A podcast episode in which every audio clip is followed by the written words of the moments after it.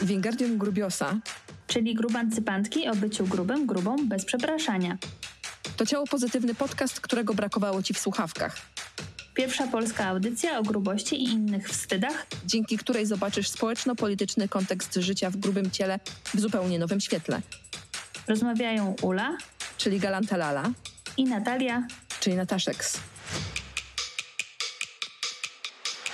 Cześć, witamy Was serdecznie już w siódmym odcinku trzeciego sezonu. E, nie pogubiłam się w tych liczbach, tak? To jest pierwszy sukces e, podcastu Wingardium Grubiosa, w którym rozmawiamy o społeczno-politycznych aspektach grubości. I co jakiś czas robimy odcinek, który odnosi się do zdrowia czy procesu zdrowienia, i ten też będzie trochę o tym, chociaż oczywiście nie będzie dotyczył zdrowienia z grubości, która sama w sobie chorobą nie jest, ale zdrowienia związanego y, z relacją z jedzeniem czy ze swoim ciałem.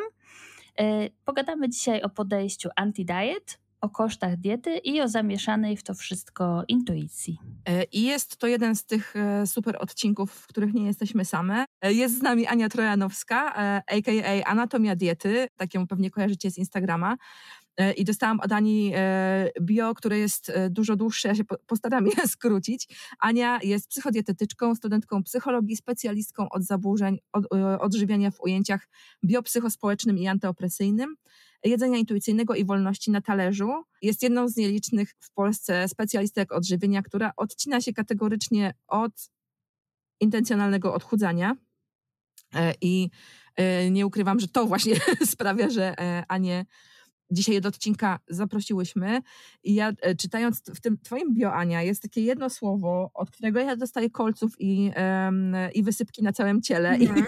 i, z nim będzie się wiązało pierwsze pytanie, które chciałabym ci zadać. Jest to e, zwrot psychodietetyczka.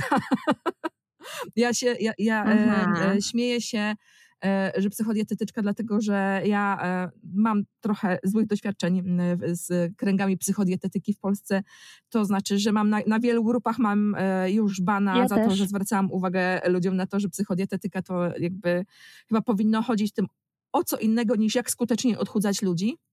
Natomiast mhm. bardzo mnie ciekawi, jak ty w ogóle ze swoim podejściem anti-diet y, i antyopresyjnym, jesteś też osobą sojuszniczą e, grubancypacji, jak ty w ogóle ogarniasz funkcjonowanie na rynku polskiej dietetyki jako osoba, która z jednej strony ma to słowo dietetyczka w, e, w mhm. swoim e, ID, a z drugiej strony tak naprawdę, no, mhm. jakby to nie jest tajemnicą, że ty się z tym nie zgadzasz z wieloma rzeczami. Jak, jak to jest możliwe? Jak ty to łączysz w ogóle? To jest też trochę takie pytanie, jakby, jak to jest być grubancypantką jakby z polską dietetyką na karku, nie? Jakby to jest dokładnie ten sam kaliber i to się w ogóle nie łączy, tak? E, właśnie ostatnio e, myśląc o tym, jak to jest być e, właśnie psychodietetyczką jakby na tym naszym dzisiejszym rynku, antydietetyczną dietetyczką, to jak ja skończę te studia psychologiczne, to najprawdopodobniej w ogóle przestanę się nazywać i identyfikować jakby z, z grupą dietetyków, bo nie chcę, tak? Bo jest to dla mnie wstyd. Nie chcę być też częścią jakby takiej grupy zawodowej, e, która zbiorowo robi rzeczy przeciwne do zamierzonych tak naprawdę, tak? Czyli jakby oni chcieliby wspierać zdrowie ludzi i promować to zdrowie, a, a jest zupełnie na odwrót.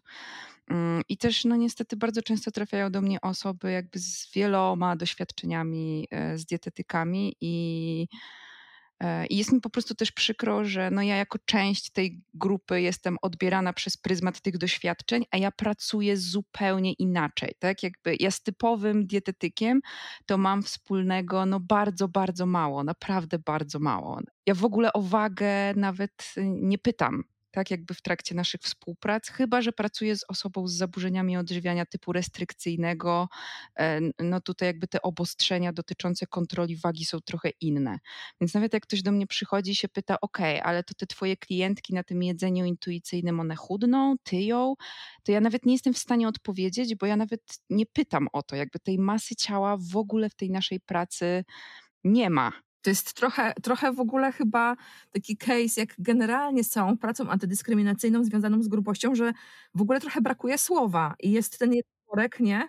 Mhm. Bo nie ma w języku polskim, nie wiem, poprawcie mnie, bo może nie wiem o, e, o tym, a istnieje na przykład jakby polska wersja słowa nutritionist. Tak, u nas są różne takie twory, że są coache żywieniowi, są osoby, które są po podyplomówkach z dietetyki, no bo ja jestem po takich studiach e, jakby trzyletnich licencjackich, ale są też, ponieważ dietetyka nie jest zawodem uregulowanym prawnie, więc tak naprawdę pójdziesz sobie na kurs weekendowy i możesz się nazywać dietetykiem. Są trenerzy żywieniowi, ale ja wiem, że za granicą to rzeczywiście mamy właśnie nutritionists i mamy też diety dietitians.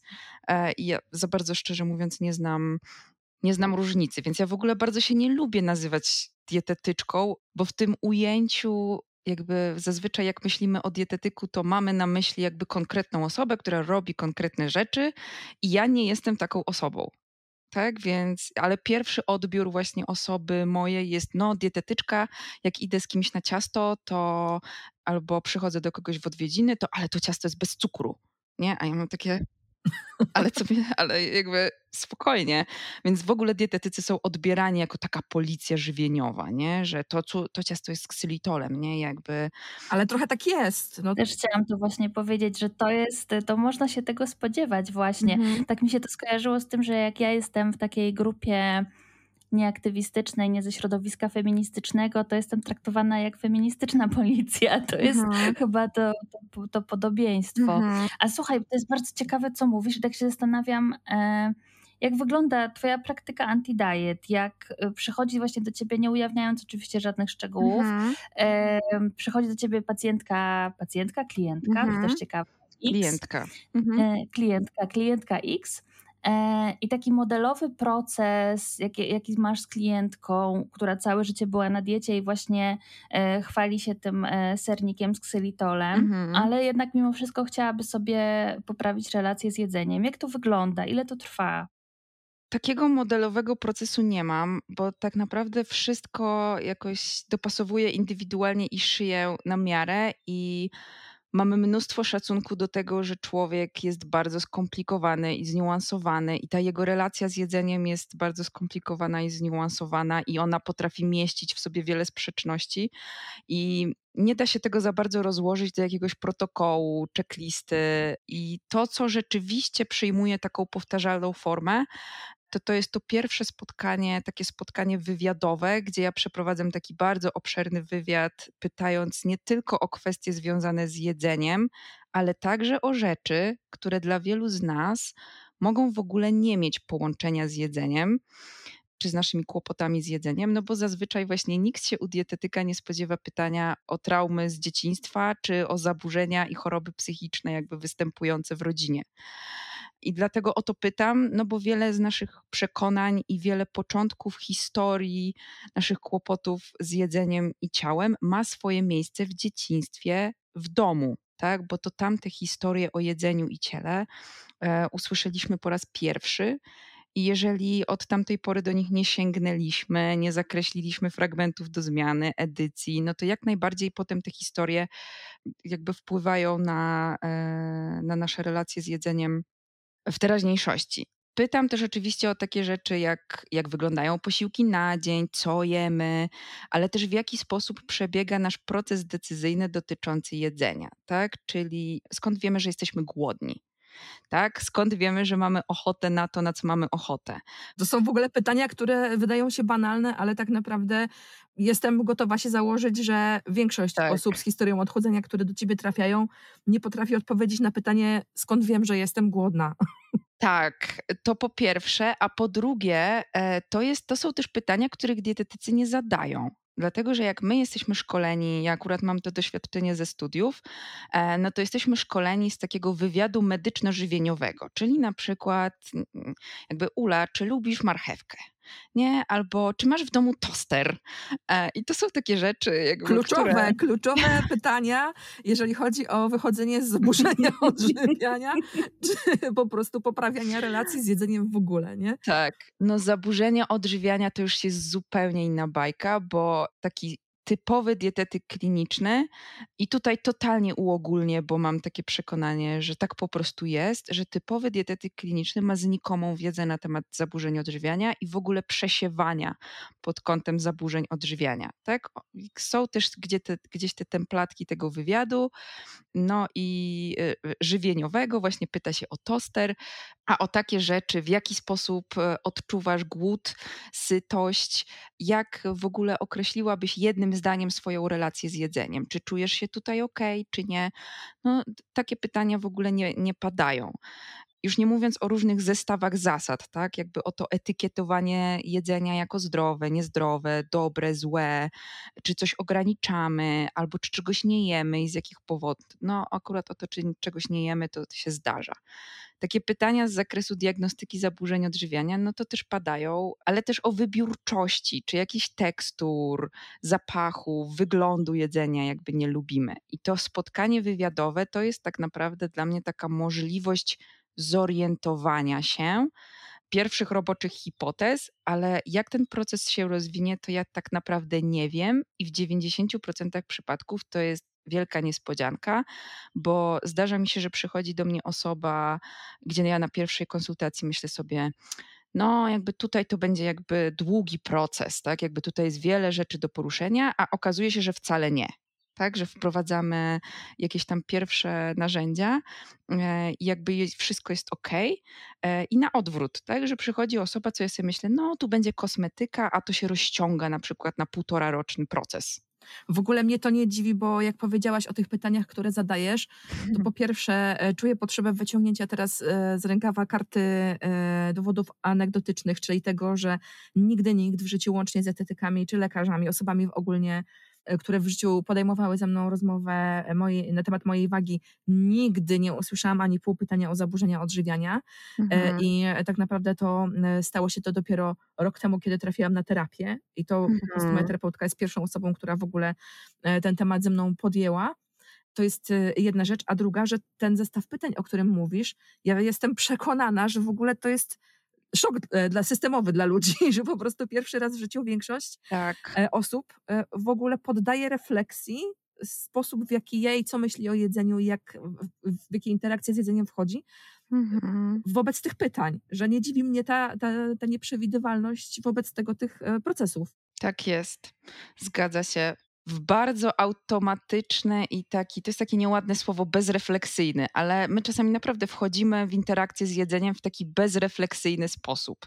Czyli czegoś się tam nauczyliśmy, e, wynieśliśmy coś tam z domu i za bardzo tego nie kwestionujemy, albo coś właśnie usłyszeliśmy od dietetyka i nie przyglądamy się temu, czy, czy jakoś tego też nie nie kwestionujemy. Więc no ja jestem takim, takim dziwnym, powiedzmy, tworem, no bo psychodietetyka to jest w ogóle taki dziwny twór na tym naszym polskim rynku.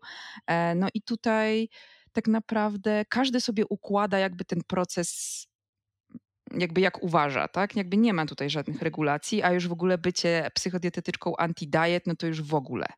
Jakby jesteś jak dziecko we mgle, tak naprawdę. Mnie bardzo ciekawi, co się dzieje, jak jednak ktoś ma ten toster, czy ma go wywalić, czy co, co ma z tym tosterem zrobić.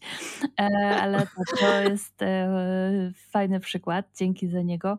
I ja totalnie słyszę, co mówisz z, z, tym, mm, z tą elastycznością podejścia, bo to jest też tak po prostu w mhm. procesach, które gdzieś tam dotykają naszej psychiki, nie w psychoterapiach też po prostu ma się różne założenia jako specjalista, specjalistka, ale jakie ma zasoby ten człowiek i z czym przyjdzie i jaki będzie mhm. temat, co się ukaże w tej pracy, to jeszcze nie wiadomo, więc e, mhm. to zupełnie.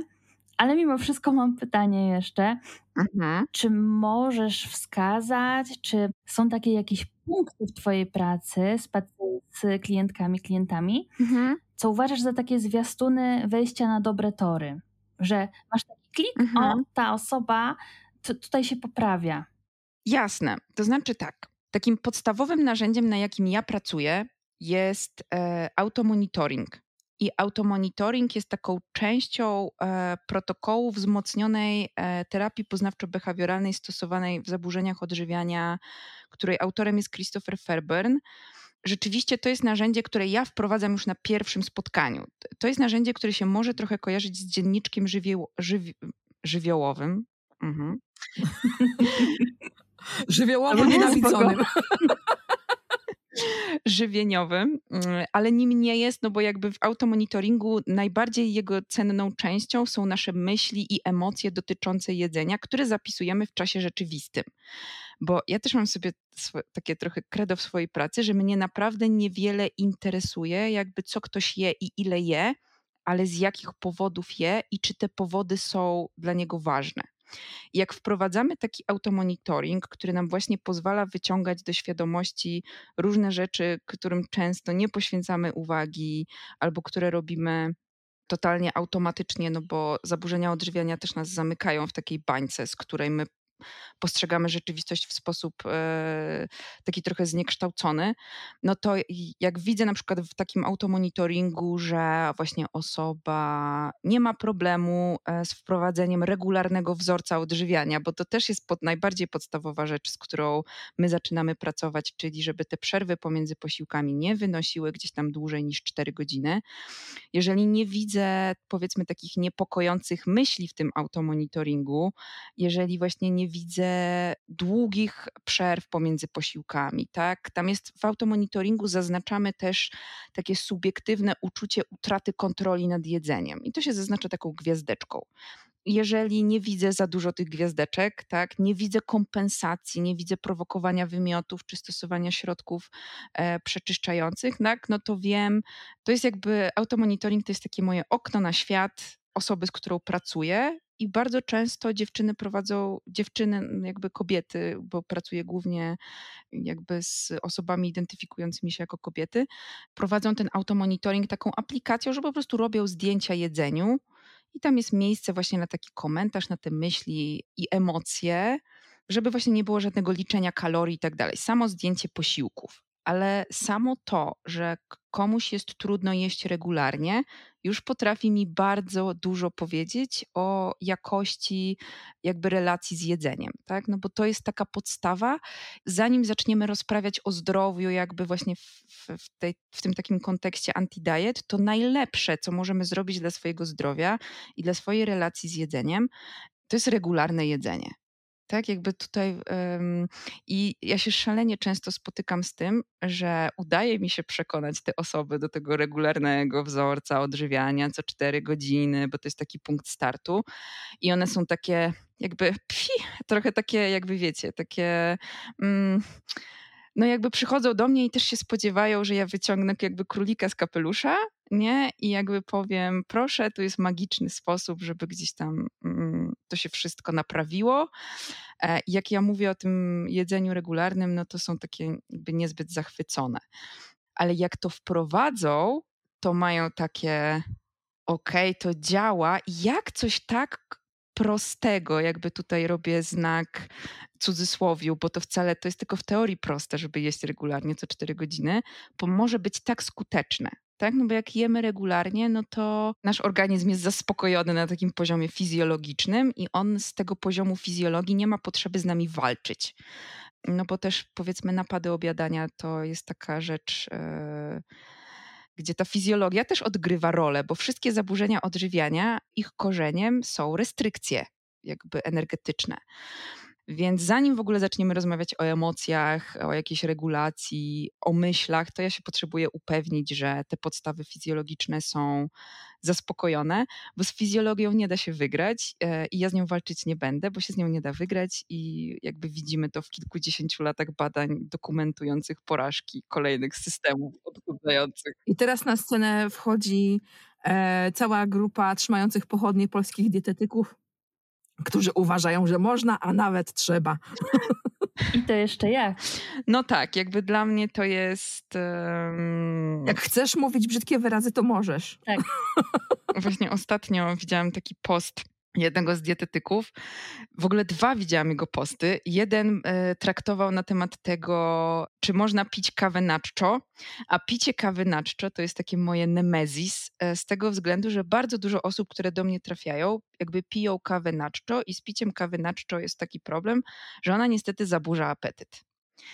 I jak my chcemy u takiej osoby, powiedzmy, też przy zaburzonej relacji z jedzeniem, no bo jak wiecie, pierwszym filarem jedzenia intuicyjnego jest ten głód i sytość. Znaczy, no nie, nie pierwszym, tam pierwsze jest chyba wyrzuć kulturę diety, czy tam challenge diet culture, czy coś takiego. Ale jest głód i sytość.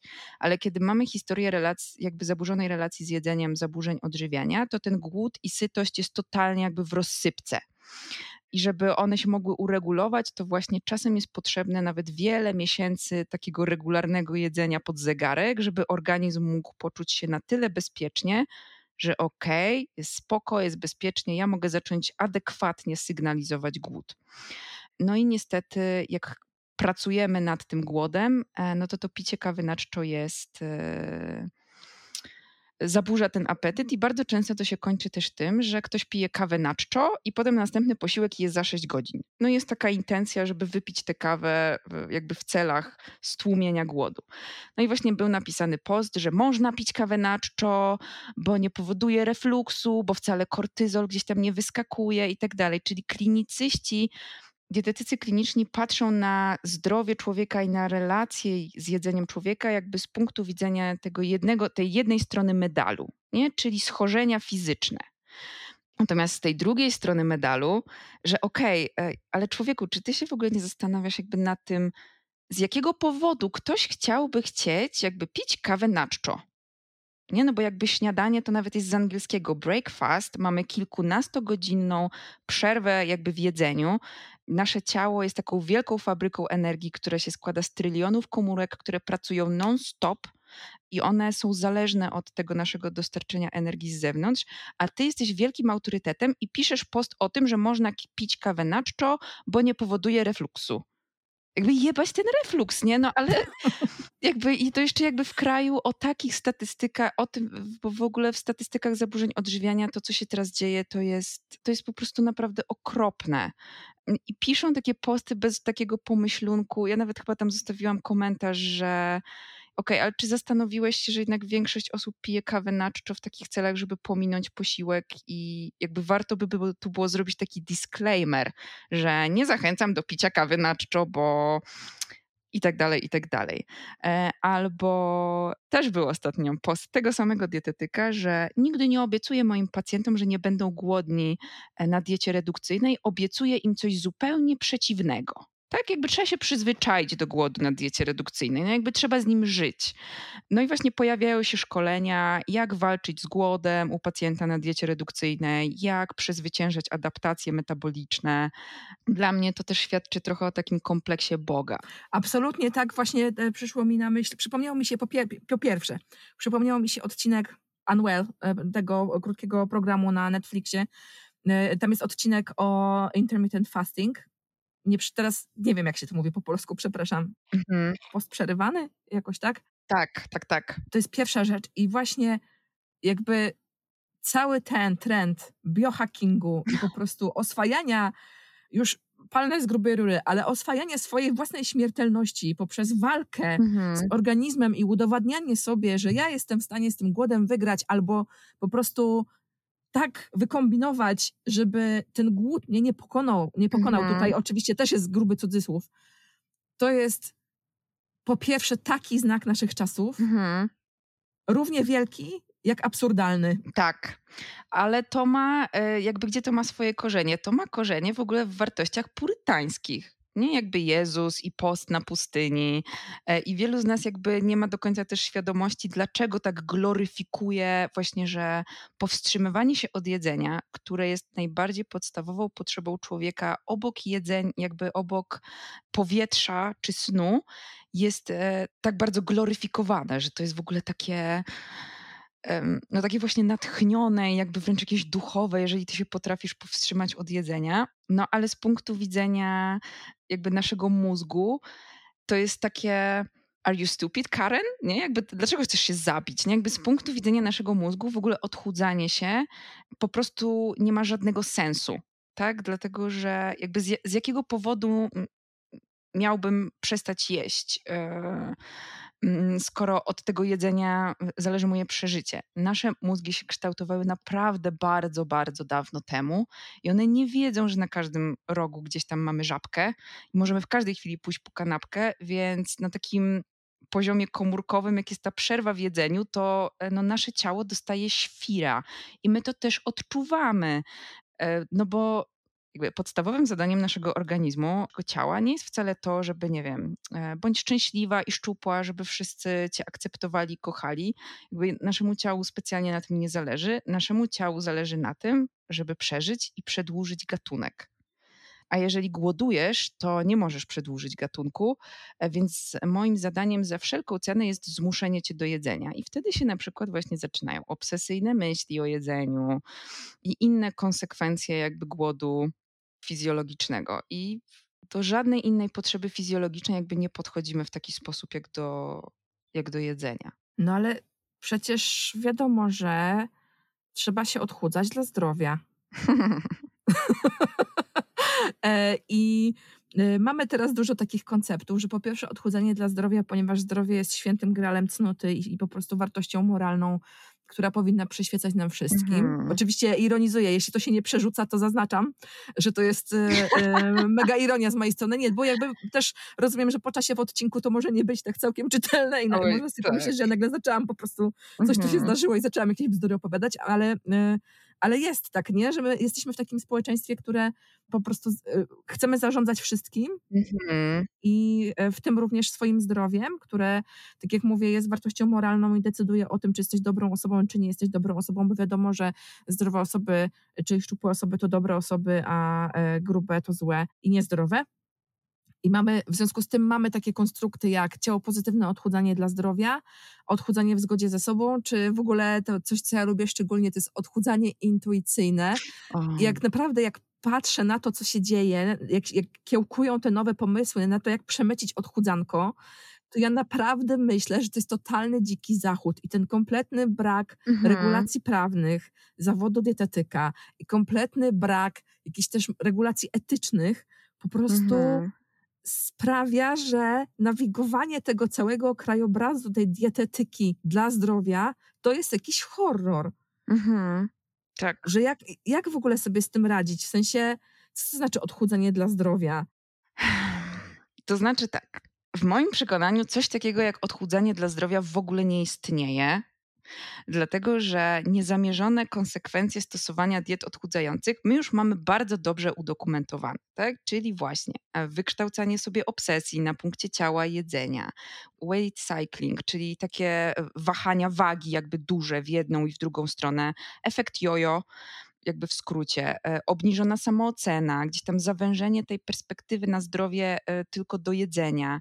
Mm, czyli właśnie patrzymy na zdrowie tak bardzo jednowymiarowo i przede wszystkim dajemy przekaz społeczeństwu, że nasze zdrowie jest determinowane przez jedzenie i przez aktywność fizyczną, co jest błędne tak? Bo jedzenie i aktywność fizyczna, czyli te czynniki behawioralne, to ja jakby nie chcę wam skłamać, z tego co pamiętam, to to, to jest chyba około 30% jakby tych wszystkich czynników, które jakby nam wpływają na zdrowie, więc zarządzanie masą ciała, bo jakby tym tak naprawdę się zajmuje współczesna dietetyka. Jakby dietetyka jest nauką o żywieniu, ale w dzisiejszym wydaniu dietetyk zajmuje się zarządzaniem masą ciała, co może powinni chodzić na studia menedżerskie, a nie, a nie dietetyczne. Nie jest promocją zdrowia. Tak, jakby w ogóle coś takiego nie, nie istnieje. Więc rzeczywiście pomiędzy grubością a różnego rodzaju chorobami e, występuje korelacja, natomiast korelacja e, mówi nam o współwystępowaniu, a nie o sile wpływu.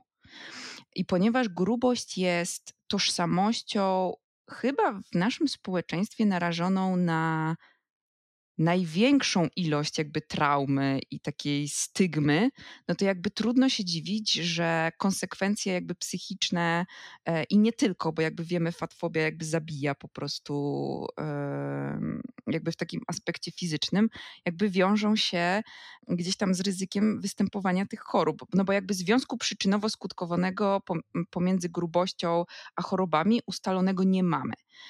E, no i badania epidemiologiczne rzadko kiedy biorą pod uwagę właśnie takie czynniki jak poziom aktywności fizycznej, e, stan odżywienia, zróżnicowanie w diecie, czy ta dieta jest pełnowartościowa, weight cycling, status socjoekonomiczny, a wszystkie te czynniki w znaczący sposób determinują nam zdrowie. I gdy one są brane pod uwagę w badaniach, to nagle okazuje się, że to zwiększone ryzyko chorób znika albo jest znacząco zredukowane. E, I my w ogóle jako społeczeństwo mamy taką obsesję na punkcie kontroli, i mi się wydaje, że to, jaki my mamy problem z ciałem, jest taki, że w naszym ciele dużo, dużo rzeczy się dzieje poniżej progu świadomości, nad którymi my nie mamy kontroli i nad którym prawdopodobnie nigdy tej kontroli mieć nie będziemy. To jakby to powoduje, że gdzieś tam trochę wybuchają nam mózgi, no bo jakby jak to? Ja, jak to ja nie mam kontroli? Jak powiedziałaś o tym, e, że właśnie z jakiego powodu my decydujemy się na powstrzymywanie od jedzenia, które jest jedną z najbardziej podstawowych naszych potrzeb, to przyszła mi do głowy taka myśl, że gdyby dało się bez e, natychmiastowych efektów dłużej wstrzymywać oddech na przykład, albo dało mhm. się dłużej po prostu nie spać bez e, dramatycznych efektów neurologicznych, totalnie tak. byśmy to robili moim zdaniem. I tutaj na, największym problemem, w cudzysłowie oczywiście, jest to, że jeśli chodzi o jedzenie, ten nasz e, organizm jednak daje nam ten największy margines błędu. W sensie my jakby ewolucyjnie jesteśmy dużo w stanie dłużej jednak przetrwać bez jedzenia niż bez tak. oddychania czy, e, czy spania e, nawet. I po prostu to jest też, to też trochę odsłania, że to jest taki w cudzysłowie kolejnym, naturalny wybór tej, tej największej strefy kontroli, no bo właśnie to, co mówisz, nie, że w kontekście spania czy w kontekście oddychania, no nie jesteśmy w stanie tych procesów kontrolować na taką skalę, jakbyśmy może chcieli.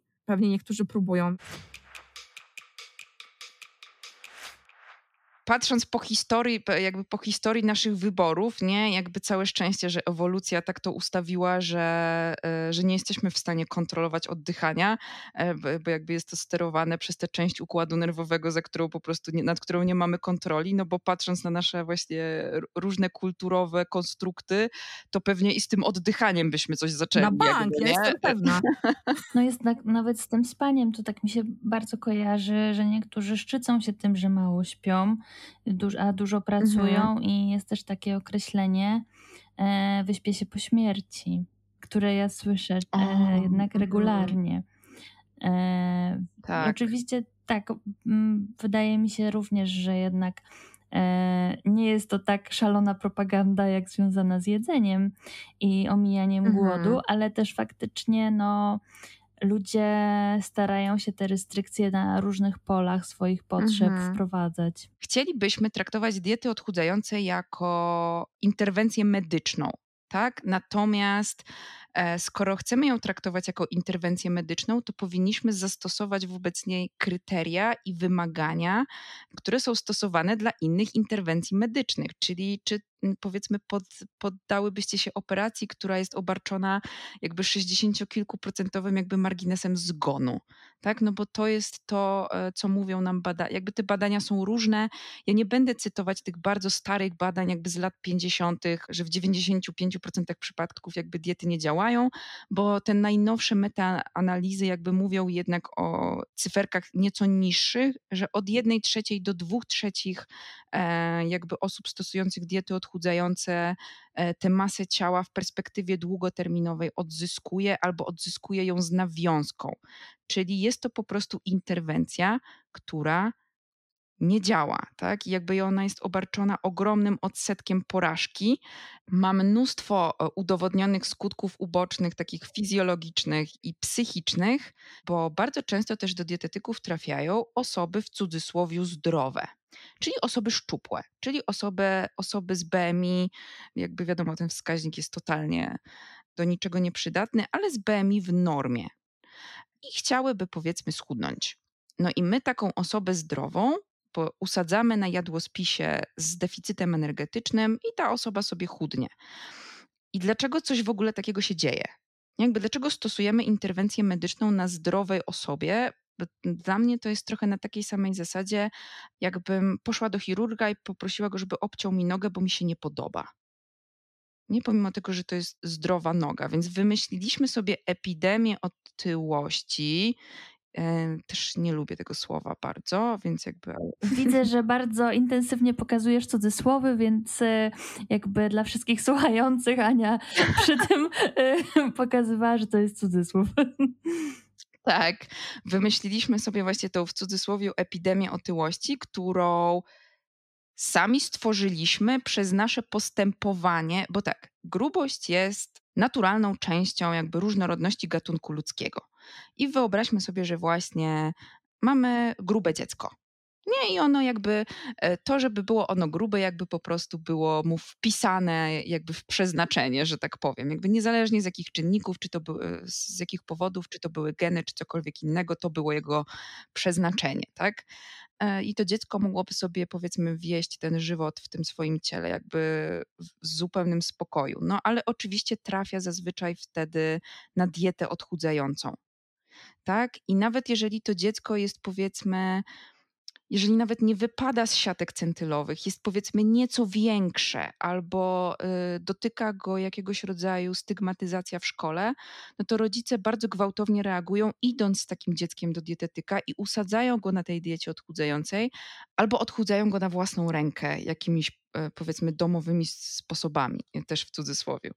A co wiemy, że y, pierwszym predyktorem przyrostu masy ciała w przyszłości jest zastosowanie diety odchudzającej. Czyli większość statystyk tej epidemii otyłości, znowu cudzysłów, to są grube osoby, że tak się brzydko wyrażę, które dietetyka i ochrona zdrowia sama jakby wyprodukowała. Tak, ale tak jest. Absolutnie ta zależność jest, e, jest obserwowalna i z jednej strony jakby na poziomie racjonalnym też jakby wiemy o tych mechanizmach kulturowych, które za tym stoją i jakby wiemy z czego to wynika, mhm. ale z drugiej strony to, że naprawdę nikt nie łączy tych kropek. Tak. Że, że pomiędzy tym, po prostu tą mnogością i tymi tak. pomysłami, wiesz co, jakby w tym, w ogóle w tym kontekście tym bardziej te pomysły amerykańskie, czy teraz, nie wiem, z zeszłego tygodnia z UK, żeby dzieciom e, administrować operacje bariatryczne albo e, ozempik. to już przychodzi do nas, już ostatnio tak. I to tak, tak to, jest, to, to jest kwestia czasu, mhm. kiedy to się również u nas pojawi, ale jakby i nikt tego nie łączy. Tak, to wiesz co, dla mnie to jest też największa frustra, bo jak jestem na wszelkich grupach dla żywieniowców, dla mnie też jest to zastanawiające, bo te pierwsze badania o tym, że diety nie działają, no to się właśnie pojawiły w latach 50. No, czyli to już jest 70 kilka lat. Czy my naprawdę jesteśmy tak cyniczni jako grupa zawodowa, jako ochrona zdrowia, że no nie, jednak e, ten rynek dietetyczny jest tak ogromny i tam są takie pieniądze, że, e, że jakby, że tutaj po prostu chodzi o kasę? Czy my jesteśmy po prostu głupi? Czy my mamy tak niski poziom autorefleksji? Bo y, na przykład u mnie, nie żebym się chwaliła jakoś tam. Ale możesz się pochwalić. Jestem bardzo skromną dziewczyną, bo u mnie to zadziałało bardzo szybko. Ja zaczęłam pracować, ja na początku swojej kariery, oczywiście, że byłam e, wagocentryczką, e, ale zaczęłam przyjmować ludzi i zaczęłam zauważać, że powtarza się pewien schemat. I jakby z ręką na sercu to zawsze było bardzo podobne zdanie. Zaczęło się od tego, że poszłam na dietę.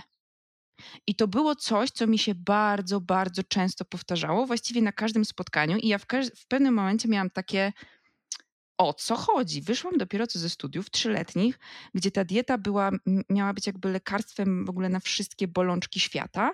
I a tu się okazuje, że przychodzą do mnie osoby po 10, 15, 20, 30 latach na diecie, w ogóle ze zdrowiem w rozsypce, z psychiką w rozsypce, i w tym momencie, a pracowałam, nie wiem, rok w zawodzie, ja już się zaczęłam zastanawiać, ok, coś tu jest nie tak. Więc jakby ta cała grupa ekspertów, ci super mądrzy ludzie, nie wpadli na to, że coś jest nie tak, skoro skutki naszych działań, które obserwujemy, są przeciwne do zamierzonych, tylko my wybraliśmy, żeby sobie radzić z tym dysonansem poznawczym w sposób chroniący dla naszego własnego ego it's not, jakby it's not me, it's you. Nie, jakby to, to jest twój problem, to ty robisz źle. E, I my też na studiach jesteśmy wypuszczani z takim przeświadczeniem, że bądźcie przygotowani, na, jak w doktorze Hausie, jakby pacjent kłamie. Nie, nie chudnie, kłamie nie? Jakby podjada, a na pewno nie podjada, um, jakby, że na pewno to pacjent coś robi źle. W ogóle nie daje nam się dotrzeć do takiego miejsca właśnie w naszej własnej autorefleksji, że to może ja, to może ja coś robię źle. No bo rzeczywiście ta redukcja, czy się odchudzamy w zgodzie ze sobą, bo wiadomo, że mamy teraz takich różnych Frankensteinów. 1200 kalorii to jest kultura diety i ja walczę z kulturą diety, ale 1800 kalorii to już jest odchudzanie w zgodzie ze sobą. No ale prędzej czy jakby organizm ludzki zawsze szuka homeostazy i on będzie dążył do równowagi i to 1800 jakby w końcu też przestanie, jakby redukcja się w końcu zatrzyma będzie trzeba przyciąć te kalorie. Też dla mnie to jest fascynujące i się właśnie zastanawiam, czy to jest cynizm, głupota, czy po prostu totalny brak autorefleksji. Pewnie kombinacja jakby wszystkich tych trzech.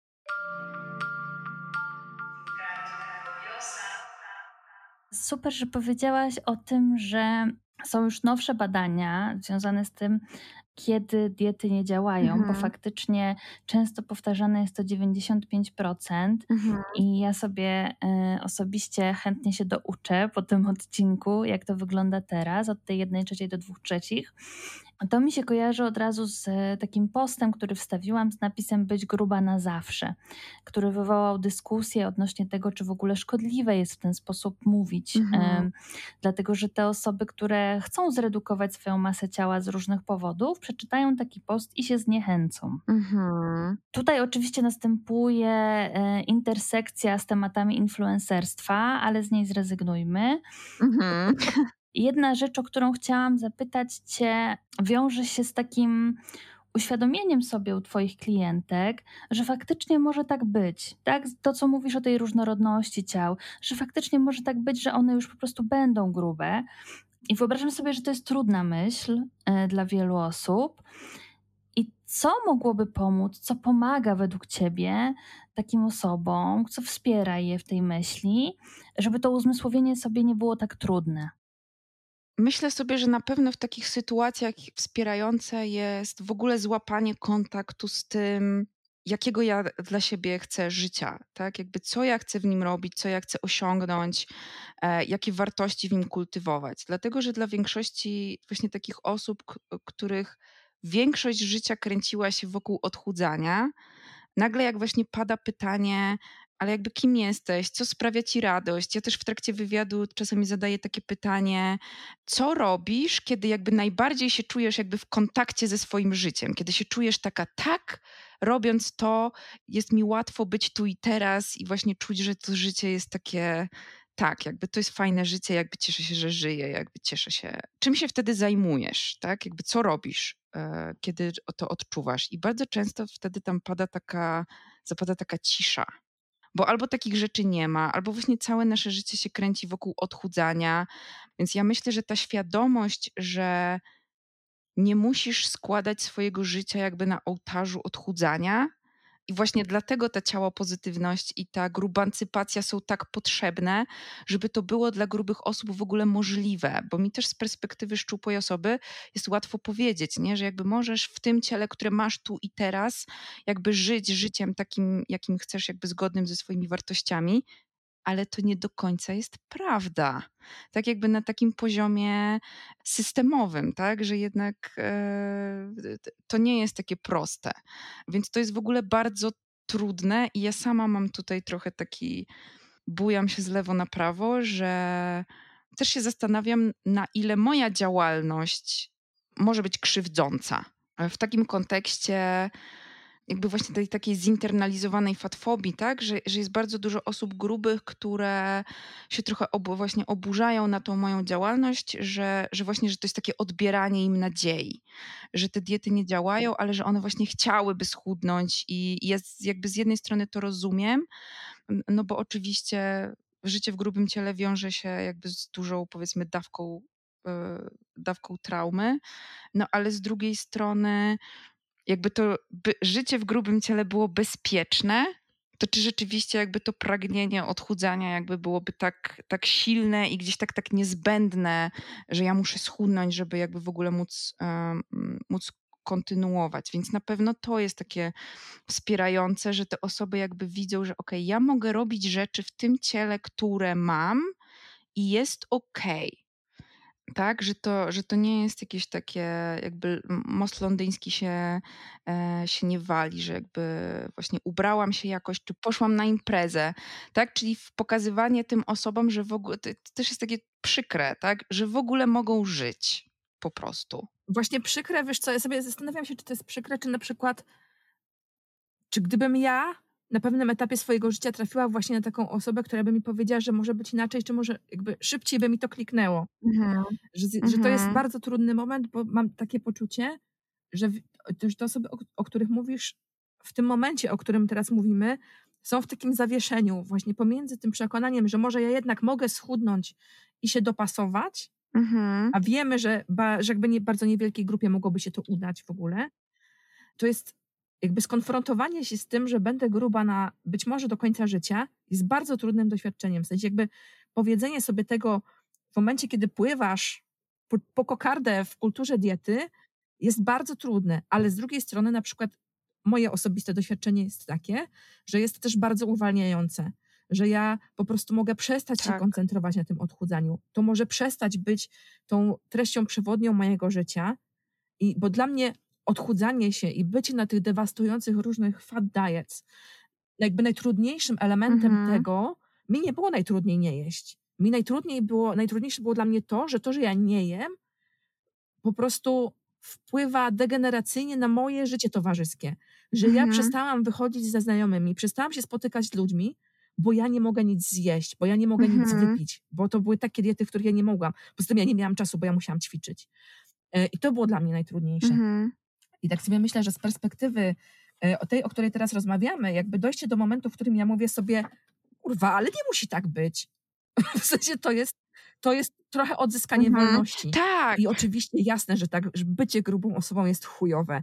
I bycie grubą osobą to jest doświadczenie dyskryminacji, e, znaczy jest, jest chujowe ze względu na doświadczenie tej dyskryminacji systemowej, której doświadczamy, tak? Tak. I to jest trudne, z tym po prostu ciężko jest się pogodzić, ale z drugiej strony ile, ile czasu człowiek odzyskuje dla siebie, tak. ile wolności, ile, ilu po prostu ludzi tak naprawdę w życiu odzys ja odzyskałam przez to, że przestałam się umartwiać wiecznie i po prostu dążyć do tego odchudzania. Tak. Ile nagle się okazało, że jest ciekawych tematów, na które można z ludźmi porozmawiać i to nie musi być tak. dieta i to nie musi być odchudzanko.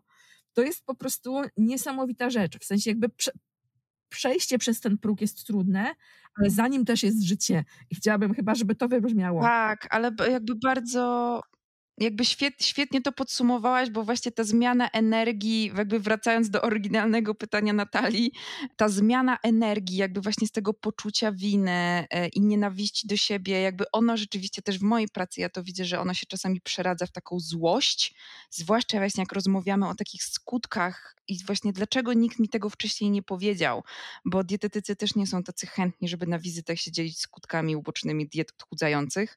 I to jest też mega wspierające, że, e, że właśnie się może zmienić ta energia i że to nie musi właśnie być takie życie Zwłaszcza, że kultura diety też stawia osoby grube jakby właśnie w takiej, w takiej perspektywie ofiary, tak? Że, jakby, że to są takie biedne osoby, nie? Jakby one... E, to, to, to też ostatnio o tym pisałam, nie? Że jakby twoja, mo, możesz być po prostu gruba albo po prostu gruby, nie? Jakby twoje grube ciało nie musi być historią jakby jakichś straszliwych traum. E, jakby oczywiście często tak się zdarza, ale jakby to nie jest tak zawsze i też chyba to nie jest okej, okay, żeby tak postrzegać osoby grube jako po prostu szczupłe, straumatyzowane osoby, jakby uwięzione tam w środku. Tak, że, że też to nie jest takie, to nie ułatwia życia, jak ma się właśnie takie myślenie o sobie, że tam w środku mnie jest szczupły motyl, po prostu jakby przywalony, jakby gdzieś tam tą, mm, tą tkanką tłuszczową. Więc na pewno jakby ta zmiana, ja w ogóle też zawsze wysyłam na konta swoje klientki tych osób grubych, takich właśnie najbardziej fierce, nie? Takich, które jakby właśnie żyją totalnie jakby nie, nie przepraszając za to, w jakim ciele żyją. No bo to jest takie wspierające, żeby to widzieć, że okej, okay, nie wiedziałem, że coś, czy nie wiedziałam, że, e, że można być grubą osobą i żyć. Tak? I jakby jeździć, podróżować, mieć pasję, e, uczyć się, tworzyć, być po prostu też no, jakby szczęśliwą osobą. To, co Ula powiedziała, te koszty życiowe diety, jakie ponosimy, są faktycznie mhm. ogromne. Są też moim doświadczeniem, bo poniosłam ich na poziomie fizycznym, na pewno pod kątem zdrowia. On tak jak mówisz, zaczyna mhm. się od redukcji e, wagi, a kończy się na różnych e, zaburzeniach wewnętrznych, które czasami są zaskakujące. Mhm. Potem na przykład po, dlatego, że było się na pierdyliardzie diet, trzeba na przykład brać jakieś leki, bo jakaś gospodarka hormonalna mhm. nie wytrzymała tego na przykład. Mhm. No poza tym są koszty właśnie y, psychiczne czy towarzyskie. Ja jestem przekonana, że gdyby nie fatfobia, to moje życie uczuciowe, moje życie seksualne, e, moje życie towarzyskie byłoby kreowane inaczej. Mhm. Dlaczego mówię, że to uzmysłowienie sobie jest trudne. Dużo osób będzie potrzebowało dać sobie jakiś moment na taką swoistą żałobę, w cudzysłowie, po tych wszystkich marzeniach o tym, jak to życie miało wyglądać, które to życie, w którym jestem szczupła, bo szczupłość wiadomo równa się, że dobrze jest i super, e, to też ironizuje trochę, ale. Trochę? Tak, mówię, że trochę, dlatego że te marzenia i te uczucia wokół tego są bardzo prawdziwe i bardzo takie mhm. intymne, bardzo mhm. związane też z tożsamością tego, jak ja siebie widzę w świecie, jak ja bym się chciała widzieć w świecie, co bym chciała osiągnąć, a czego nie osiągnę, być może z powodu dyskryminacji na przykład. I pogodzenie się z tym faktycznie mhm. może zająć chwilę czasu. I zgadzam się, że może być wyzwalające mhm. i dodawać siły ale też być może czasami właśnie potrzeba trochę czasu, żeby sobie to wszystko też y, w środku przetrawić. Mhm. No, jak, jak najbardziej tam jest, y, tam jest bardzo jakby duża ilość takiej żałoby jakby po życiu, które mogłabym mieć. To też, co ja bardzo często słyszę, y, gdyby powiedzmy, gdybym trafiła na kogoś takiego jak ty, tak? No bo jakby duża ilość tych właśnie skutków odchudzania się, o których mówisz, jest związana również z tym, że nie wszyscy dietetycy, albo można by powiedzieć, że bardzo wielu nie, postępuje zgodnie ze sztuką tak? Czyli gdzieś tam ta presja na wywołanie efektu u klienta, jakby ta presja na szczupłość też sprawia, że dietetycy w ogóle rozpisywanie diet odchudzających poniżej podstawowej przemiany materii, czyli poniżej tej ilości kalorii, która jest potrzebna naszemu organizmowi no do tego, żeby utrzymać pracę organów. No to w przypadku powiedzmy takiej kobiety 1,70 m, 70 kg to jest około 1,5 tysiąca kalorii, no to rozpisywanie diet poniżej tego jest błędem w sztuce tak? I nie powinno się w ogóle tego robić. Jednak bardzo często dietetycy to robią, żeby uzyskać szybki efekt, bo wiadomo, klient pod, przychodzi do dietetyka po to, żeby się odchudzić. Tylko no, w takim razie, czy my jesteśmy medykami, czy my jesteśmy odchudzaczami? Nie, jakby, jak, jakby kim my właściwie w ogóle jakby jesteśmy i jaka jest nasza rola. Żeby właśnie e, jakby tutaj pracować w sferze estetycznej, mhm. czy w mhm. sferze zdrowotnej. To jest w ogóle mega interesujące, bo jestem prawie pewna, że e, wiele osób, które się zajmują dietetyką, na przykład nie potrafiłoby powiedzieć, skąd się wzięło wskazanie o 2000 kalorii. Jest to ciekawostka, taka, że jest to w ogóle arbitralna wartość, nada, nada wymyślona w ogóle przez e, FDA, e, FDA czy CDC? FDA, o dziwo w Stanach. Mhm. E, I też e, ciekawa historia się z tym wiąże, bo pierwsza sugestia była taka, żeby tą wartością arbitralną było 2350 kalorii, ale stwierdzili, mhm. że nie, 2000 będzie łatwiej zapamiętać. I stąd się wzięło w ogóle... To taka historia jak z BMI. Taka historia jak z BMI, nie? I stąd się wzięła po prostu ta poprzeczka 2000 kalorii. E, I też dla mnie w ogóle totalnie egzotyczne jest to, że na przykład dietetycy rozpisując te diety, wyciągając te diety z szufladki, na przykład większość z nich nie ma świadomości tego, że 1600 kalorii to była wartość kaloryczna na pierwszym progu w minnesockim eksperymencie głodowym. Tak. Jakby ludzie nie mają tej świadomości, że eksperyment głodowy, badanie, co głód robi z organizmem i na pierwszym poziomie ludzie dostawali 1600 kalorii, a na drugim tam chyba było na drugim, czy którymś tam niezwiązanym jeszcze z tym zdrowieniem, że oni tam chyba schodzili do 1300, mhm. więc jakby z tej perspektywy na to patrząc, przepisywanie komuś limitu kalorycznego poniżej limitu kalorycznego, który dostawali ludzie w badaniach nad chorobą głodową, jakby gdzie to się mieści w etyce? Ale to jest w ogóle też ciekawa rzecz, że mm, nie wiem, jakie macie doświadczenia z dietetykami, ale jak z, z, przychodzi się do takiego klasycznego dietetyka, Rozliczne. no to jakby Ja się tylko śmieję pod nosem. Tak, to on wam będzie pisał, on czy ona będzie wam pisał jadłospis. I żeby Tak. napisać ten jadłospis, no to musi wpisać do programu. Pytanie o toster. E, tak, tak, dokładnie, tak, bo, bo jakby, no bo musi wiedzieć, czy masz toster, żeby wiedział, czy ci może wpisać tosty do jadłospisu. Nie jakby rozumiesz, to jest jakby kluczowa rzecz. E, no bo jak nie będziesz miała tostera, to się sfrustrujesz, że masz tosty w jadłospisie, a nie możesz ich zjeść, no a jesteś na jadłospisie, nie? Więc jakby nie możesz podjąć żadnej innej autonomicznej decyzji, bo to jadłospis decyduje za ciebie i jakby dietetyk, który cię pierwszy raz w życiu widzi na oczy. No to wpisuje się do programu do programu właśnie wagę, wzrost, jakby tam liczy e, BMI i podstawia do dwóch wzorów. Mamy dwa wzory szacujące całkowitą przemianę materii, szacujące i to są też formuły wymyślone, e, kurczę, nie pamiętam dokładnie kiedy, ale bardzo dawno temu, bardzo stare formuły, już bardzo tak naprawdę nieadekwatne i program nam to szacuje. I bardzo często z rzeczywistością jakby ma to wspólnego naprawdę bardzo niewiele. To te szacunki są bardzo, bardzo pira ze drzwi. Tak, więc to, to jest też takie, no, że to są szacunki bardzo często niedokładne, tak? Ale ta logika, o której właśnie mówisz, że no damy 2000 kalorii, będzie łatwiej zapamiętać, jest takie i gdzie jest ten wasz Bóg? Gdzie jest to wasze evidence-based medicine teraz, nie? Jakby damy, bo będzie łatwiej zapamiętać. Tak, ale w ogóle w, zresztą w, w, w obszarze odchudzania jest takich uproszczeń dużo więcej, bo jest jeszcze Tak. przecież święty deficyt, e, czyli model nazywany e, z angielskiego calories in, calories out, który Wiśnowski wymyślił Mhm. w 1959 roku. A my do dzisiaj wierzymy w to, że jak sobie wytniemy z diety 3,5 tysiąca kalorii, to schudniemy tam pół kilo, czy ile tam. I przecież to jest takie proste. No święty deficyt, to jakby jak pójdziesz sobie, na, jestem pewna, że jak pójdziesz do tych dyskusji internetowych u tych prowadzących polskich dietetyków i za każdym razem Tak. jak wyciągasz anti-diet e, jako postawę, to na pewno dostajesz świętym deficytem przez łeb i jestem po prostu przekonana, że on zawsze wraca. Bo przecież to jest takie proste, Tak. jakby co, Tak. co w człowieku jest takiego skomplikowanego. To jest chyba właśnie ten kompleks, no bo właśnie a propos kalorii, to Jezu, ja też byłam, byłam taką córką właśnie świętego deficytu, jakby kościoła, święty, wyznawczynią, bo pierwszy mój post na blogu właśnie nazywał się Wszystko zaczyna się od kalorii. Mhm. Jakby, Przyjmujemy e, m, b, skruchę. Ania, każdy był młody. Jakby. Ja też, Ania, ja mam też na blogu wpis, w którym napisałam, że nie ma czegoś takiego jak dyskryminacja grubych ludzi, że my sobie to wymyślamy. Także rozumiem. naprawdę? Serio?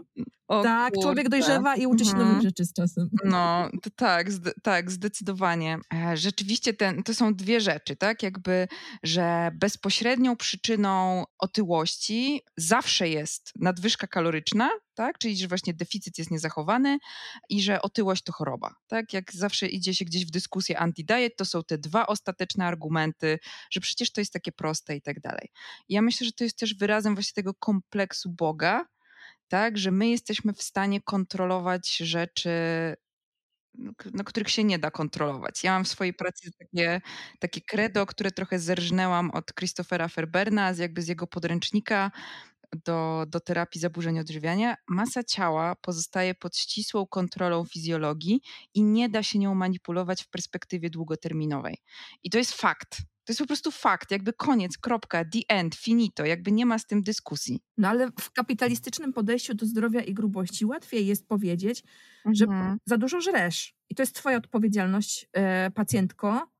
I Mhm. można schudnąć, tylko ty nie chcesz. Trochę silnej woli i na pewno sobie z tym poradzisz. I jakby to jest, to jest ciekawe, nie? Że łatwiej jest zatkać uszy, zamknąć oczy Mhm. i robić la, la, la, la, la, kiedy ludzie mówią o e, osiągnięciach medycyny i o ak- aktualnej wiedzy, wiedzy na ten temat, niż zmierzyć się z tym na przykład właśnie, że e, no Mhm. nie wiemy wielu rzeczy, jeżeli chodzi o, e, o naukę związaną z masą ciała, z jej redukcją, z tym, dlaczego rośnie. Wielu rzeczy nie wiemy, po to jeszcze nie jest zbadane. Też ta kontrola e, odbija się backlashem na intuicyjnym Mhm. odżywianiu. Jest taka teoria, że organizm wie, czego potrzebuje. Ale tak jak sobie myślę, to co też mówisz, że o tak, tak długo trzeba jeść te regularne posiłki, żeby ten organizm wysyłał sygnały, że faktycznie że to też jest jakaś robota. U ciebie pojawiają się z kolei żarty o bezach, które, które korespondują y, z wieloma komentarzami, które czytam o intuicyjnym odżywianiu i grubym kontekście że na pewno e, grube osoby to po prostu żywią się czekoladą na śniadanie, mhm. Obiad i, i, i kolację, chociaż tak naprawdę bardzo łatwo jest to obśmiać, e, że coś może być intuicyjne, a zamiast zagłębić się w to. I tutaj jeszcze mam taką myśl, bo tak właśnie w tym momencie, kiedy mówiłaś o tej, o tej intuicji gdzieś w środku odcinka, tak sobie myślałam, że ja się czasami czuję w takim potrzasku pomiędzy taką oczywistą fatfobią, mhm. monitorowaniem e, przez innych tego, co jem, e, ewentualnym osądzaniem, nie są to, nie wiem, warzywa na parze, a nie daj Boże jest to pizza. Z drugiej strony, jako że ogląda mnie dużo osób antydiet, jestem e, przekonana o tym, dużo osób z zaburzeniami odżywiania, zaburzeniami obrazu ciała, e, co mnie ogromnie cieszy, ale też na przykład stresuje w związku z tym, że moje odżywianie na przykład składa się z jakichś takich bezcukrowych produktów, tak? No sugar added i tak dalej. Mhm. I bardzo długo myślę, zanim coś takiego pokażę. E, e, mimo, że na, na przykład bezrefleksyjnie chciałabym zrobić zdjęcie i wrzucić, ale uznaję, że nie, może tego jednak, może tego nie, nie, nie chcę jakiegoś takiego e, czegoś kreować, no bo prze, też przez to, że współprowadzę ten podcast, ten projekt, w internetach często wchodzimy w jakieś takie zero-jedynkowe kreacje, więc trudno jakby się z tego e, wydostać. I ta długa opowieść zmierza do tego, żeby jeszcze Cię zapytać, e, czy spotykasz się właśnie w swoim gabinecie z, z osobami, które ukrywają, jak jedzą, i jakie to może mieć właśnie konsekwencje? Że, że, bo jest narzucona ta kontrola i teraz też e, o to, o mhm. to, co Czymula mówiła, że właśnie, że ta kontrola jest taka niby w zasięgu ręki i że jest takim super rozwiązaniem, bardzo duży cudzysłów, i przez to ludzie też mogą się wstydzić pokazywać, jak jedzą, mówić o tym, jak jedzą i jakie, tak, jakie to ukrywanie może mieć konsekwencje dla relacji z jedzeniem, Twoim zdaniem? Mhm. Znaczy, no taką e, najbardziej podstawową chyba konsekwencją jest po prostu jakby życie e, z konsekwencjami jakby właśnie takiego funkcjonowania w chronicznym wstydzie.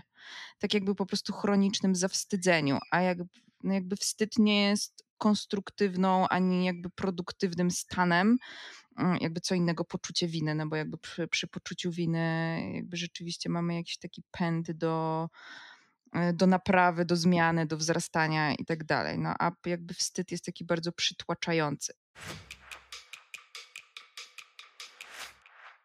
Przy prowadzeniu automonitoringu chyba nie zdarzył mi się taki przypadek, że ktoś coś ukrył, w automonitoringu, ale przychodziły osoby i mówiły, że miały na to ochotę. Tak, że się wstydziły, że, że ja je ocenię, e, że co ja sobie pomyślę, jak ja właśnie zobaczę tą, tą czekoladę czy ten napad w tym automonitoringu. No i jakby to jest powiązane z tym, że w taki sposób jest postrzegana rola dietetyka. Policja. Tak, tak, tak, dokładnie. Że to jest osoba, która Czasami też zdarza się, że my kilka spotkań e, poświęcamy w trakcie naszej współpracy na to, żeby w ogóle osoba, która do mnie przychodzi, żeby jej układ nerwowy mógł się poczuć w ogóle bezpiecznie. Jakby nikt tu nie będzie na mnie krzyczał, nikt mi tu nie będzie mówił jakby tak e, sztywno, jakby co mam robić. Jakby jest tutaj ok, nie będę oceniana, nie będę obrażana, nie będę dyskryminowana jakby w żaden sposób. Że to jest takie senatorium dla tego układu nerwowego, nie jakby on się może odprężyć. Jakby co w przypadku grubych osób i przygód z ochroną zdrowia jest no jak też mówię to ze wstydem, jest niesamowitą rzadkością. Ja chciałam powiedzieć, że jest jednorożcem. Tak, że to się w ogóle nie zdarza wśród przedstawicieli ochrony zdrowia.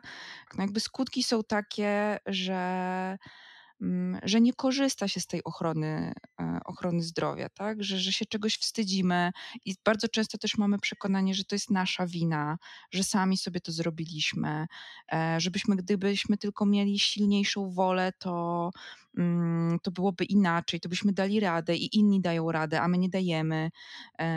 Więc to się kończy najczęściej tym, że nie sięgamy po tę pomoc tak? Nawet jeżeli mamy na to środki i finanse, to, to po tę pomoc nie sięgamy ze strachu. tu, tu jest też takie trochę splątanie z kulturą diety.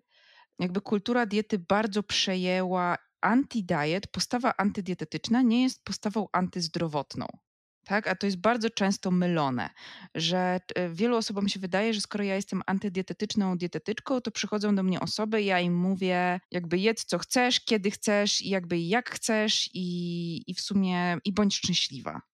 E, no jakby to też nie tak działa, bo no jakby nie ma wolności jakby bez obowiązków i bez odpowiedzialności i bez odpowiedniej dawki takiej właśnie mm, autorefleksji, ale warzywa, owoce, produkty w mainstreamie postrzegane jako zdrowe, jakby one nie należą do kultury diety. E, I właśnie nam się wydaje, że my że to, co właśnie powiedziałeś, że to jest takie śmieszne, że ciało wie jakby czego, czego potrzebuje i, i ludzie w ogóle z jedzenia intuicyjnego sobie śmieszkują w taki sposób, że he, he, he, jakbym miał słuchać swojej intuicji, to właśnie bym jadła bezy od rana do wieczora. Albo leżałabym na kanapie jakby przysypana górką chipsów. I to jest dla mnie tylko informacja, w jak głębokich restrykcjach jakby wiedziesz swoje życie, skoro na pytanie, jak się czujesz z myślą, że przez następny miesiąc na każdy posiłek miałabyś jeść czekoladę, ty odpowiadasz, no fajnie, to to jest tylko dla mnie informacja, że ta relacja z tą czekoladą jest jakby nie, nie do końca powiedzmy poukładana i gdzieś tam zrównoważona. Więc właśnie tak jak mówiłaś o tych produktach jakby bez dodanego cukru, teraz właśnie z tą obsesją zdrowia, właściwie co drugi produkt jest oznaczany na opakowaniu jako bez cukru albo wysokobiałkowy. Nawet jeśli to jest sałata, to i tak jest. Tak, będzie, to jest, to, to jest żarcik oczywiście, tak, ale gluten free. E, to, jest, to jest gluten free. Więc na początku też się powtarza trochę taka postawa, na złość mamie odmrożę sobie uszy, e, w sensie, że, że jest taki w ogóle bunt na kulturę diety, taki naprawdę taka, taka wściekłość. I nawet jak się jakby zjadłabym pomidora, nie? Albo zjadłabym sałatkę, albo zjadłabym zupę, to się pojawia takie kwestionowanie tego, który mówi, że wcale nie masz tak naprawdę na to ochoty, e, tylko to jest kultura diety, bo e, gdyby było inaczej, gdyby to był twój prawdziwy wewnętrzny głos, to miałabyś ochotę na chipsy, nie? Bo jakby tak po prostu jedzą grubi ludzie. Nie? I to jest w ogóle kłamstwo. To jest... No wiadomka. Tak. Jest takie... tak. E, I bardzo często jest tak, że osoby są zaszokowane. Nie? Że ja nie wiedziałam, że można, że to jest w ogóle możliwe, że to jest realne.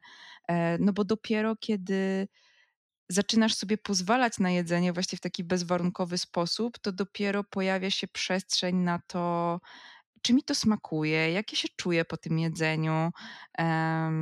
Tak jak właśnie pojawia się przestrzeń na to, że e, ty pijesz jakby powiedzmy produkty bez dodanego cukru. E, dla mnie na przykład byłoby to nieosiągalne, bo ja wyczuwam słodziki i mam z nimi taki problem sensoryczny. E, I jakby i z tego powodu nie piję produktów jakby bez dodanego cukru. Mm, natomiast e, jakby tobie mogą po prostu one smakować i jakby słowo klucz tutaj to jest też, e, też taka intencja, tak? E, ja też tutaj nie odżegnuję się od tego, że nadmiar takiego cukru dodanego w naszej diecie, no jakby nasz organizm takim ciągłym przeładowaniem glukozą też nie jest jakimś wielkim fanem tego. Ale też rozmawiałam kiedyś ze znajomą dietetyczką i ona też mi powiedziała, że na przykład je mozzarellę o niższej zawartości tłuszczu, bo jakby nie widzi różnicy pomiędzy jedną e, a drugą. I ja już mam tutaj taki bunt, bo, bo mam takie, skoro nie widzisz różnicy, to czemu nie zjeść tej bardziej tłustej, nie? Ja zawsze jakby w tym przypadku jakby no. zjadę, jakby biorę akurat tą, mm, biorę akurat tą tłustą. No i tutaj problem polega na tym, że wiele produktów kultura diety nam przejęła. E, I to właśnie to, to takie mam ochotę na brokuła jest takie jakby abstrakcyjne. Nie, przecież to jest niemożliwe, coś musi być ze mną głęboko nie tak. A to jest jakby, to jest naprawdę zupełnie naturalne. W dobrej relacji z jedzeniem powinno być po prostu miejsce na różnorodność, tak? Na, właśnie na to podejście all foods fit.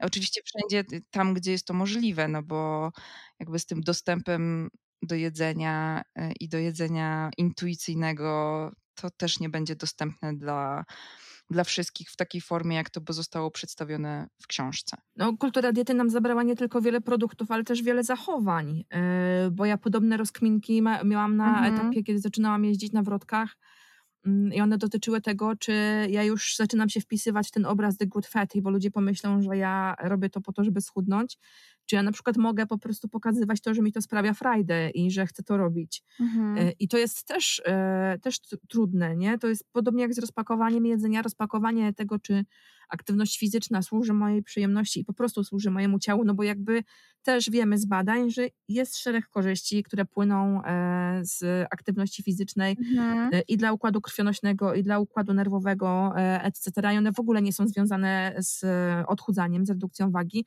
mhm. ale Y, ponieważ obok diet odchudzających aktywność fizyczna jest nam przedstawiana przez kulturę diety jako ten drugi klucz potrzebny do tego, żeby zamek odchudzania zadziałał. Mhm. Na pewno zadziała wtedy, chociaż też wiemy z badań, że jakby ta aktywność mhm. chudnięcie na skutek podjęcia aktywności fizycznej jest małe i jakby dotyczy tylko takich fitnessowych zrywów.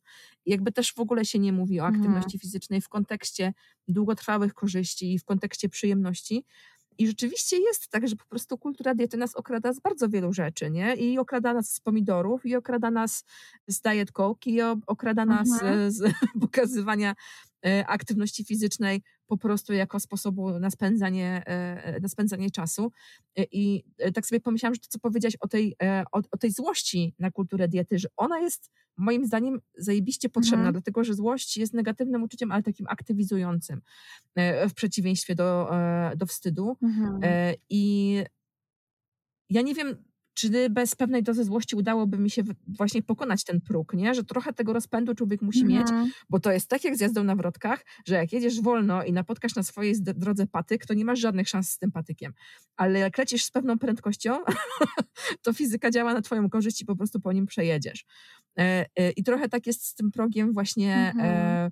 E, powiedzenia sobie, być może jestem gruba na zawsze, że rzeczywiście ten napęd w postaci tego wkurwu mhm. na to, mhm. ile nam ta kultura diety zabiera tak naprawdę, ile zdrowia, ile przyjemnych rzeczy w życiu, tak. on jest potrzebny do tego, żeby, e, tak. żeby to pokonać, żeby to przejechać przez ten próg. ta siła tak. nam jest po prostu trochę potrzebna. Mamy te, mamy te pięć stadiów żałoby i ja jak obserwuję właśnie swoją pracę i jakby też swój własny proces, to rzeczywiście przez te pięć stadiów się przechodzi. I to, co powiedziałaś w kontekście aktywności fizycznej, e, właśnie kultura diety szkodzi nam też w taki sposób, że ja też jako osoba z doświadczeniem zaburzeń odżywiania i, i to, co słyszę też również od swoich klientów i klientek, Potem jest również taki strach przed aktywnością fizyczną, bo ona bardzo często potrafi być triggerująca dla tych tak. starych głosów w głowie. Tak, bardzo trudno to jest rozpakować. Bardzo trudno jest to tak, rozpakować i bardzo. E, odpi- odpięcie, w ogóle wypięcie swojego mózgu z zegarka, który liczy spalane kalorie. Tak. To jest naprawdę złożony proces. Nie, to jest bardzo trudne, żeby się od tego odkleić. Zdecydowałam, że mam kilka celów na ten rok i między innymi to jest tworzenie nawyków. E, I w pierwszym kwartale ćwiczyłam nawyk prasówki, robienia prasówki, e, a dru na drugi kwartał zaplanowałam sobie aktywność fizyczną.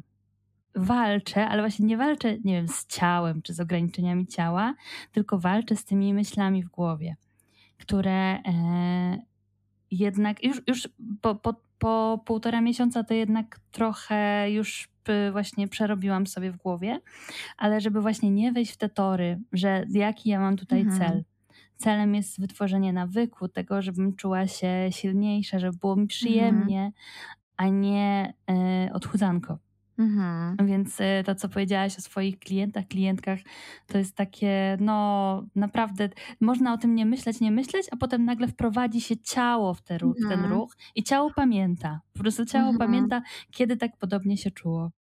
Mhm. No tutaj e, faktycznie wskazane są te mikrokroki, tak? Jakby nawet gdzieś tam rozpoczynanie po prostu od, e, od spacerów, nie? Żeby gdzieś tam się nie, nie rzucać od razu właśnie na super hardkorowe i intensywne treningi, bo to potrafi być dodatkowo triggerujące.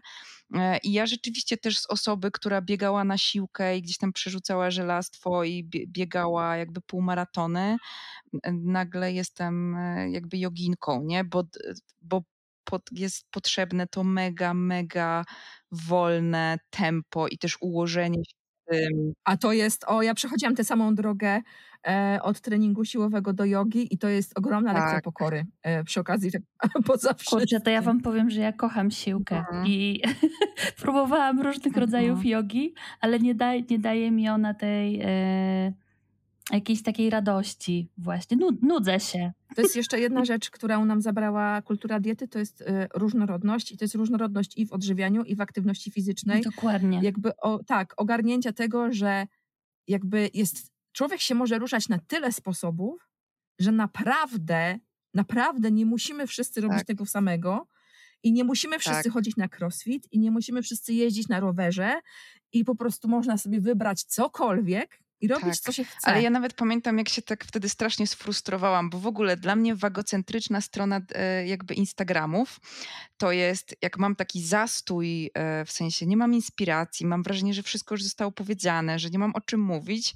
to jakby idę do wagocentryków i tam mam po prostu, jego to jest niekończące się w ogóle.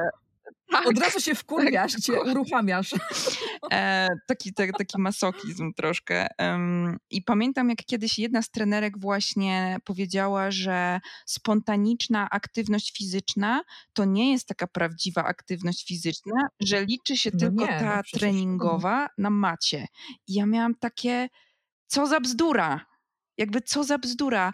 Niesamowicie często przychodzą do mnie osoby, ja zadaję pytanie o tę aktywność fizyczną, bo potrzebuję wiedzieć, czy ktoś mi tam nie, e, nie kompensuje. E, Pytam, to też e, inny aspekt bycia policjantem żywieniowym, że jak pytam o aktywność fizyczną, to osoby mi się zaczynają tłumaczyć, że nie jestem za bardzo aktywny, jakby, ale planuję, ale się staram i, i tak dalej. Bardzo często jest tak, że pytam o tę aktywność fizyczną, i ktoś mi mówi, nie, w ogóle nie jestem aktywna fizycznie, tylko jakby y, tutaj trochę hiperbolizuję, chodzę 15 kilometrów jakby po córkę do przedszkola, Mhm. nie? Ale w ogóle nie jestem aktywna fizycznie.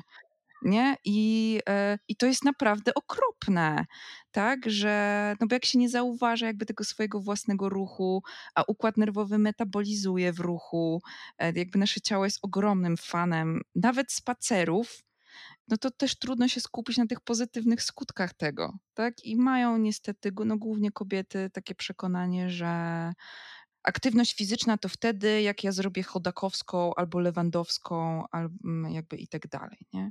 Ania, powiedziałaś, że jak masz zastój e, w wenie, to idziesz do wagocentryku. Cudowne.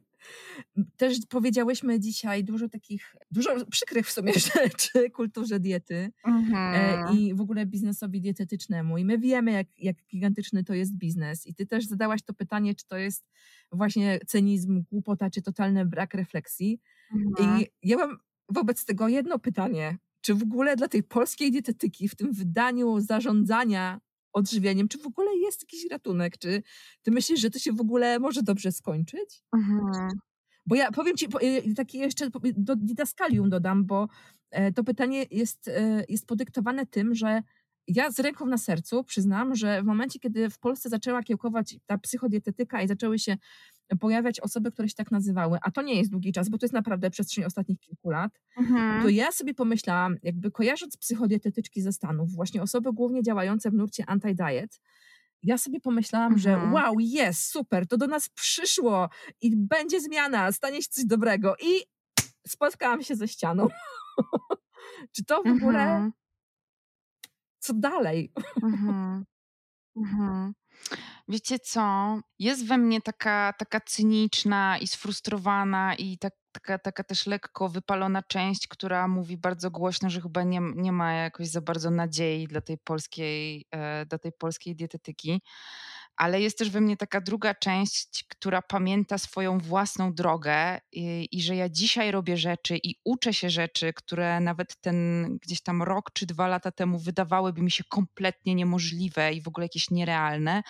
Bo to, że ja wylądowałam w anti-diet, to też zawsze ktoś mi zadaje pytanie, jak to się stało, że ty zostałaś anti-diet, to ja nie umiem odpowiedzieć na to pytanie, bo, bo to był po prostu jakiś taki przypadkowy splot różnych zbiegów okoliczności, tak? Jakby, a to weszłam na Twittera i akurat wpadłam w bańkę bardzo radykalnych e, aktywistek jakby działających na rzecz Fat Liberation, gdzie one zostawiały źródła i ja byłam na tyle ciekawa, bo ja jestem człowiek, który musi wiedzieć dlaczego, jakby dlaczego.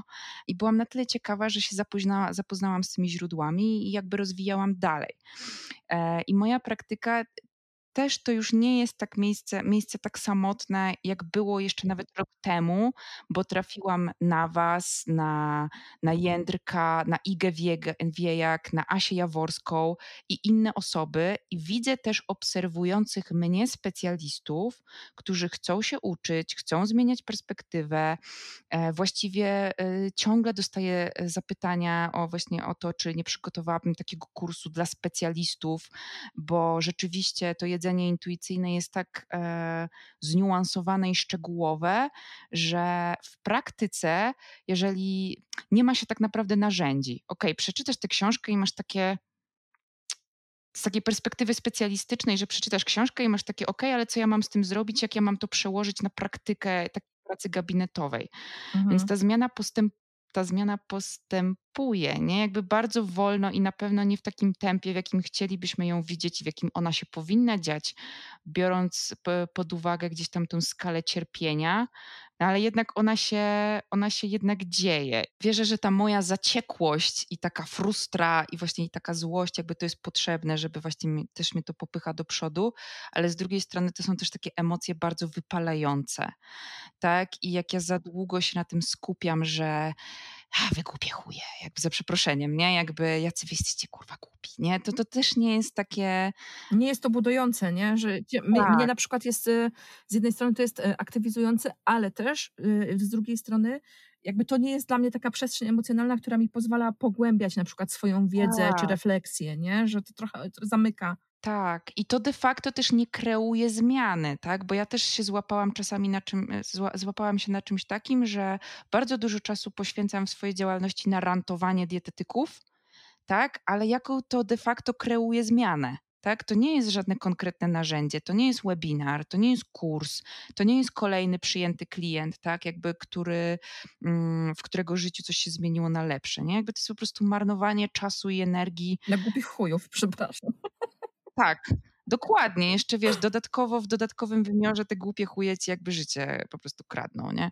No, ale to jest też taki syndrom social mediów, nie? Zamykanie się w takiej oblężonej twierdzy, mhm. e, gdzie na pewno wszyscy nie mają racji, tylko ja mam rację. Mhm. E, I nawet jeśli w pewnych względach faktycznie ta nauka na przykład przemawia bardziej na moją korzyść, no to faktycznie tak jak e, mówicie, no to nic nie zmienia, że ja tutaj sobie trochę po, ponarzekam.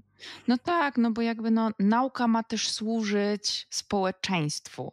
No jakby w kontekście dietetyki no przez jakby to się nie, to się nie dzieje, tak? No bo właśnie ta cała epidemia, epidemia otyłości, jakby mówi się też, że otyłość jakby została rozpoznana jako choroba właśnie dlatego, żeby grube osoby miały dostęp do e, właśnie do odpowiedniego poziomu leczenia i tak dalej, um, ale w jaki też sposób wpływa na to zdrowie i dobrostan, w ogóle funkcjonowanie w ciele, które ktoś nazywa jakby epidemią tak? Jakby to są przecież żywi ludzie, tak? Jakby my nie walczymy jakby z komórkami tłuszczowymi, tylko e, i to jest też dla mnie taki jakby dysonans, tak? Że z jednej strony jest właśnie ten taki przekaz, że trzeba jakby samoakceptacja, bo jakby te statystyki zaburzeń odżywiania są alarmujące i i samoakceptacja i tak dalej, a jednocześnie drugą ręką właśnie piszą posty o tym, że jakby otyłość to choroba, jakby i w ogóle i ma takie takie i takie i takie, i takie konsekwencje, nie? Więc albo jedno,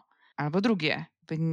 Nie da się trochę jakby tego, tego, tego rozdzielić. Jeżeli czyjś kształt ciała będzie patologizowany, no to jak ja mogę siebie zaakceptować, skoro moje całe jestestwo jest nazywane chorobą?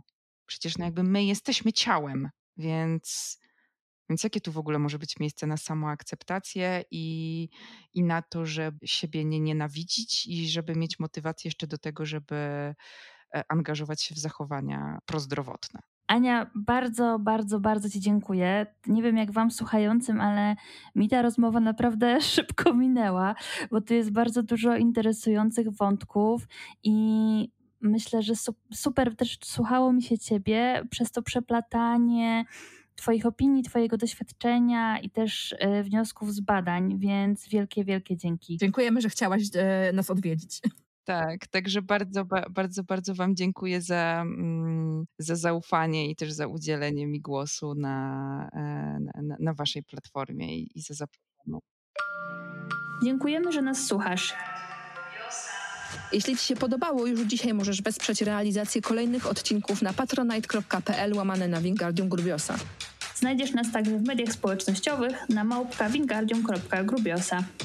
It's Grubiosa, not Grubiosa.